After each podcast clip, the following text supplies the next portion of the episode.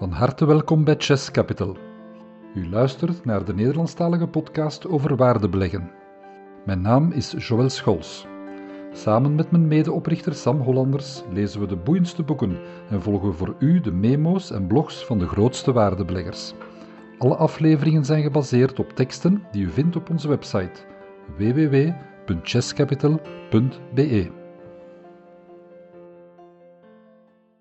Welkom, beste luisteraar, bij de laatste van het jaar, zo vlak voor kerstmis. En we gaan een beetje de psychologische toer op vandaag. Titel van deze podcast is Het belang van toeval. Toevallig luisterde mijn echtgenote onlangs naar Touché, het Radio 1-programma waarin Friede Lesage elke zaterdagochtend een gesprek heeft met een heel interessant mens. Die keer legde professor Mark Noppen zijn ziel bloot. Dat is de man die ontdekt werd door Vlaanderen vanwege zijn no-nonsense visie op de aanpak van de coronacrisis. Mark die werd trouwens ook dit jaar uitgeroepen tot zorgpersoonlijkheid van het jaar. In het radioprogramma toonde hij zijn grote waardering voor Daniel Kahneman, psycholoog en Nobelprijswinnaar economie in 2001, als ik het goed heb. Kahneman beschrijft zijn bevindingen later in de bestseller Thinking Fast and Slow.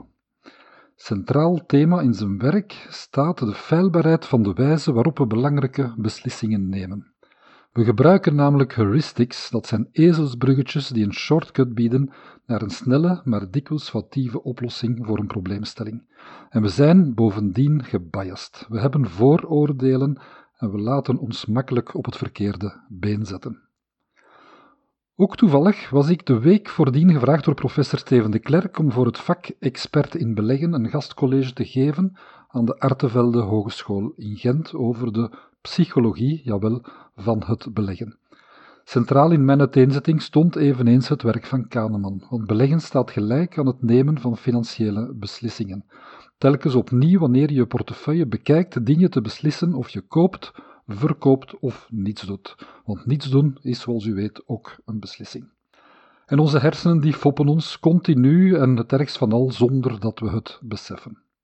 Ik wil even een concreet voorbeeld geven om, om u toch wat voeling te geven rond die veel voorkomende vergissingen die we maken bij beleggersbeslissingen. Wanneer we bijvoorbeeld een aandeel gekocht hebben, dan is die aankoopprijs een referentiepunt dat fungeert als een soort baken. Een baken waartegen we later onze verkoopbeslissing zullen afzetten.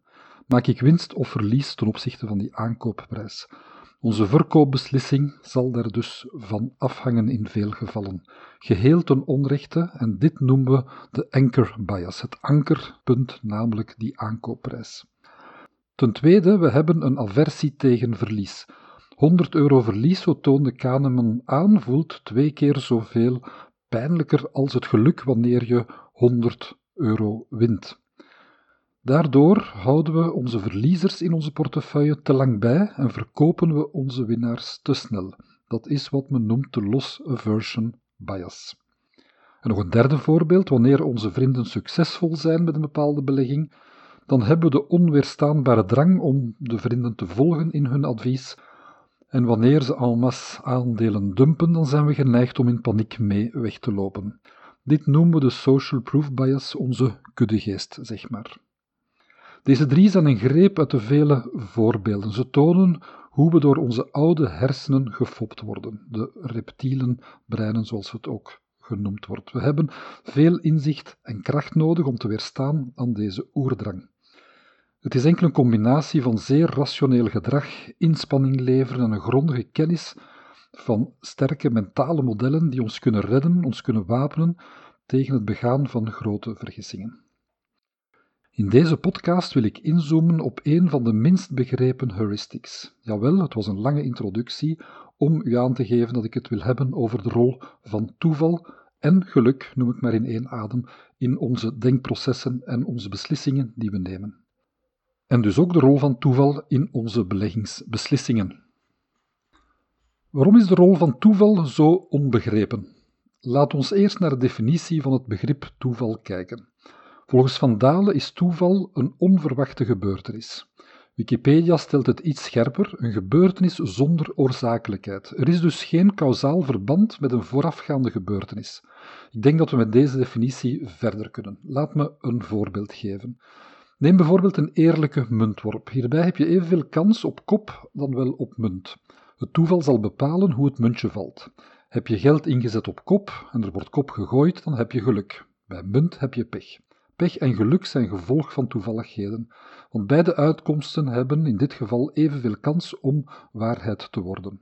En bij een volgende worp is dat opnieuw het geval. Onvermijdelijk komt meteen de link met het begrip kans. En wie kans zegt, zegt kansberekening, en dan is het woord statistiek niet ver weg. En daar wringt het schoentje, want voor velen is dat wellicht het minst begrepen vak uit onze studieloopbaan. En indien niet het minst begrepen, dan toch het minst geliefde. De meesten onder ons schieten in een kramp wanneer we het hebben over statistiek, kansen of voorspelbaarheid en toeval en dat soort zaken. En laat het nu net een goed begrip hiervan zijn dat een key succes indicator is wanneer het over beleggingen gaat. Wanneer je grote beleggers bestudeert, dan valt het op hoe geweldig goed deze zijn in het inschatten van kansen. Dikwijls hebben ze een verleden als pokerspeler of zijn ze speelvogels aan de bridgetafel. Waarmee ik niet wil gezegd hebben dat het gokkers zijn, want dat zijn ze helemaal niet. Maar allemaal hebben ze bovengewilde inzichten in beleggingskansen. Kunde of geluk. We keren terug naar het opgegooide muntje. Het voorspellen van de uitkomst kop of munt heeft niets te maken met kennis of kunde.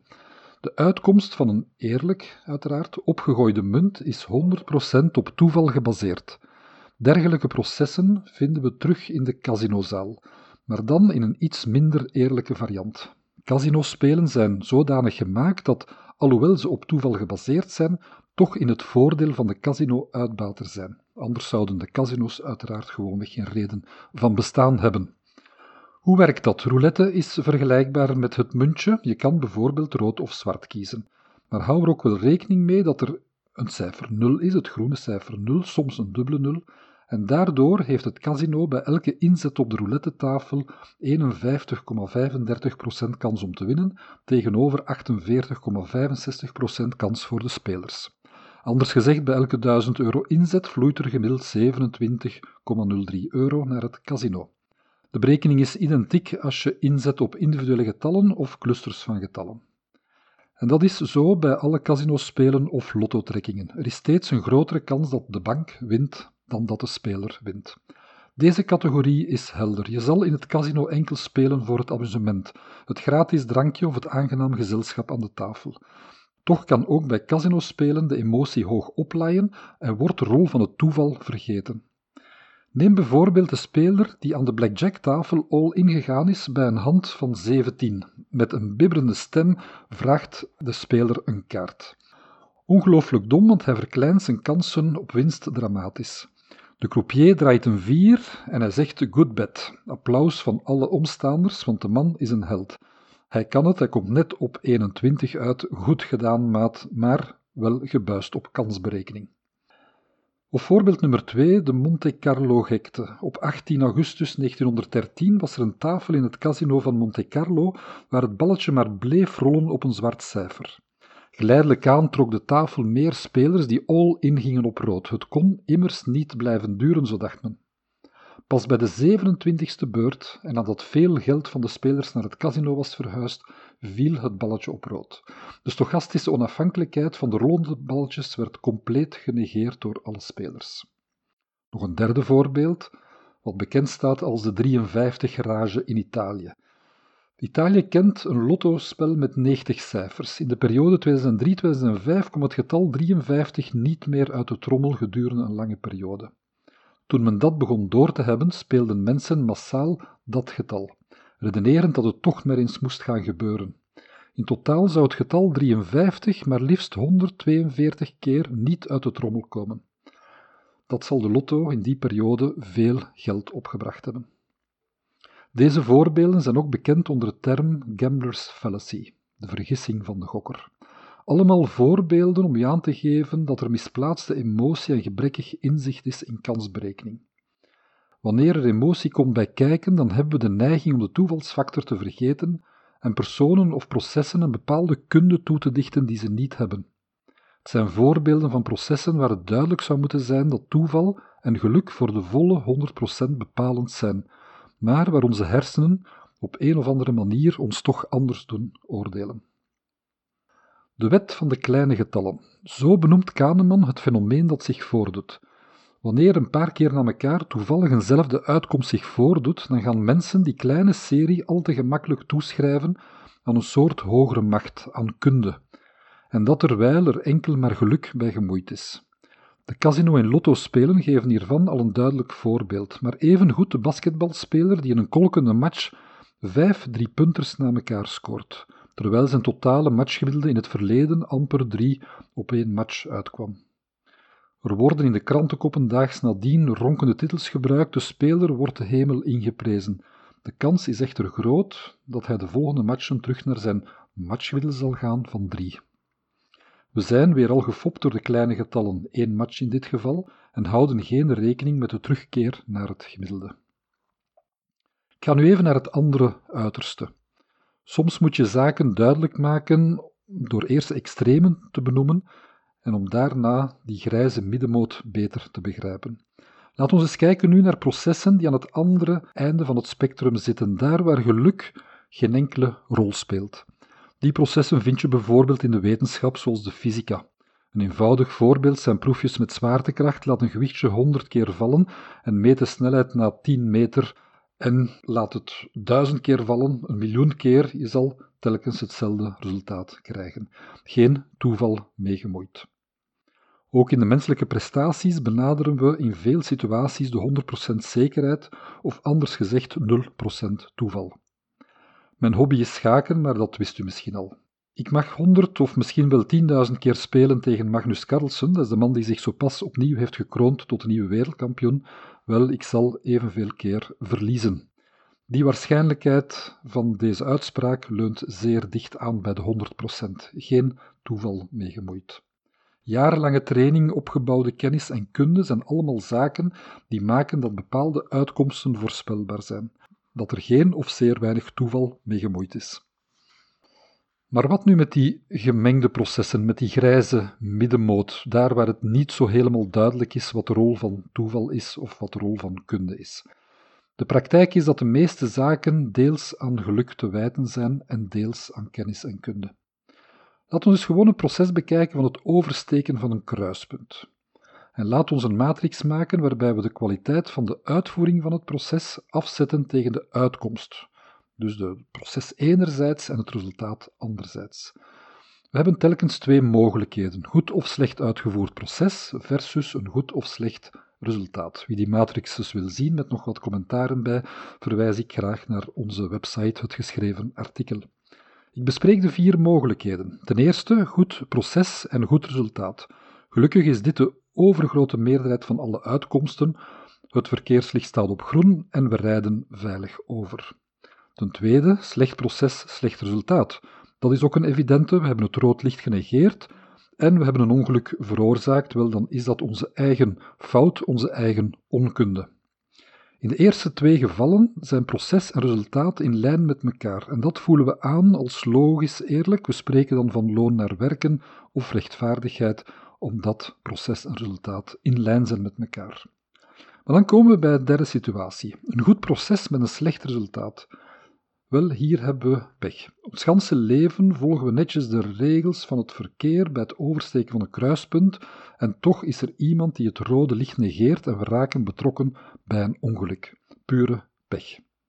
Vierde geval, slecht proces maar een goed resultaat. Hier hebben we echt wel geluk, want we zijn zelf de potentiële brokkenmaker en we zijn toch veilig het kruispunt overgeraakt. De analyse die we hieruit kunnen maken is dat geluk of de afwezigheid ervan in het spel komen wanneer er een toevalsfactor mee gemoeid is.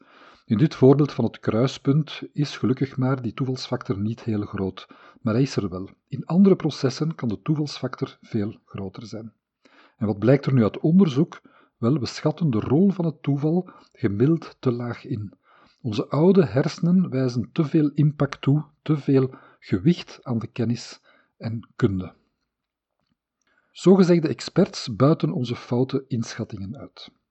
Als mens denken we te vaak in termen van resultaat. Wanneer iemand een goed resultaat heeft neergezet, dan zijn we snel van mening dat het achterliggend proces, of de voorbereiding, of de kennis en kunde automatisch aan de basis liggen van het goede resultaat. We hebben de neiging om kennis en kunde te hoog in te schatten en de rol van geluk, zoals al gezegd, te laag in te schatten. Dat verklaart mee het succes van horoscopen, waarzeggers en charlatans allerhande die ons van alles wijsmaken. We denken te snel dat ze bepaalde inzichten hebben, terwijl veel voorspellingen op geluk en een goede dosis vaagheid terug te brengen zijn. Hoe worden we om de tuin geleid door die charlatans? Ik geef u een voorbeeld. Neem het gedachtenexperiment van 1 miljoen chimpansees. 1 miljoen chimpansees doen elk een voorspelling over de beurskoers van morgen. Een half miljoen doen een goede beursvoorspelling voor de dag nadien, stijgen of dalen van de beurs. En een half miljoen doen een foute inschatting. We houden het half miljoen goede voorspellende apen over. We doen dit tien dagen aan elkaar en dan hebben we ongeveer duizend chimpansees over die telkens het juiste antwoord gaven. Nog eens tien dagen later is er één chimpansee op die duizend die steeds alle voorspellingen juist had. Noem hem maar de supervoorspeller, de beursexpert die het twintig keer bij het juiste eind had. Indien oplichters aan 10 miljoen mensen berichten stuurden met de voorspelling van telkens één van die chimpansees, één van die miljoen chimpansees dus, dan zouden er na 20 dagen zo'n 10 mensen zijn die de voorspellingen van de supervoorspeller kregen. Deze mensen zouden volledig overtuigd zijn van de kennis van de chimpansee. Duidelijk een voorbeeld van een slecht proces, want 50% kans per voorspelling dat het juist is. Maar voor een kleine groep een geweldig resultaat. Dus hoe we, met andere woorden, kunnen misleid worden door een goed resultaat en een zeer mankel proces. Op een gelijkaardige manier toont de financiële wereld ons mooie grafieken van fondsen, hoe geweldig ze gepresteerd hebben en dergelijke. Maar daarbij worden de slecht presterende gewoonweg niet getoond, net zoals de slecht presterende chimpansees zijn weggevallen. Een heel eenvoudige toepassing van het chimpansee-voorbeeld, met andere woorden. Kahneman noemt dit in zijn werk de survivorship bias. We gaan enkel voort op de overlevenden in het proces en we vergeten de afvallers die minder goed presteerden. De boodschap is duidelijk: onderschat de rol van het geluk niet. De focus op het proces is veel belangrijker dan het korte termijn resultaat. Het is pas over de veel langere termijn dat resultaten zinvol beginnen te worden. En dat is meteen ook de reden waarom u ons in deze podcast- en artikelenseries met zoveel respect over een man als Warren Buffett hoort praten. Een beleggerscarrière van 70 jaar kan echt wel tellen als referentieperiode. De beginnende belegger. Laat me afsluiten met een les voor de starter. Wanneer iemand start met beleggen en hij boekt mooie resultaten op korte termijn, stel één maand, dan weten we van de wet van de kleine getallen dat de periode te kort is om conclusies te trekken. Geluk heeft de overhand over kunde. Studies wijzen uit dat de base rate, dat is de statistische kans op een positief rendement, ongeveer 56% is op een periode van één maand. Dus nog geen geweldig rendement, maar gewoon positief in de plus staan. Dus iemand die denkt dat het succes volledig tot zijn kunde terug te brengen is, overschat zich schromelijk. Hij heeft voor een groot deel het geluk aan zijn zijde. Grote positieve rendementen op korte termijn kun je beter toewijzen aan beginnersgeluk dan aan kunde. Startende beleggers wens ik dan ook eerder toe dat ze verliezen lijden met kleine sommen geld dan dat ze zich onoverwinnelijk zouden wanen. Dat is een van de beste starterslessen die je zou kunnen overkomen. En laat dit misschien als start voor 2022 de belangrijke les zijn. Start met beleggen, maar onderschat de rol van toeval niet. Laat je niet vergalopperen door vermeend beleggersgeluk, zeker niet nu de beurzen het zo geweldig gedaan hebben de laatste jaren. Toeval bestaat wel degelijk, meer dan we denken. Het is mijn goed voornemen om in 2022 de mentale modellen die ons beschermen tegen de vele heuristics en biases te behandelen met zoveel mogelijke concrete handvaten hoe we de mentale modellen uit de wetenschap, kansberekening, menswetenschappen en dergelijke zo goed mogelijk kunnen inzetten in onze beleggingsfilosofie. Zo en hiermee rond ik dan volledig het jaar af en wens ik u allemaal een zeer goed eindejaar, zeer goede feesten en een goede start van 2022. Tot dan!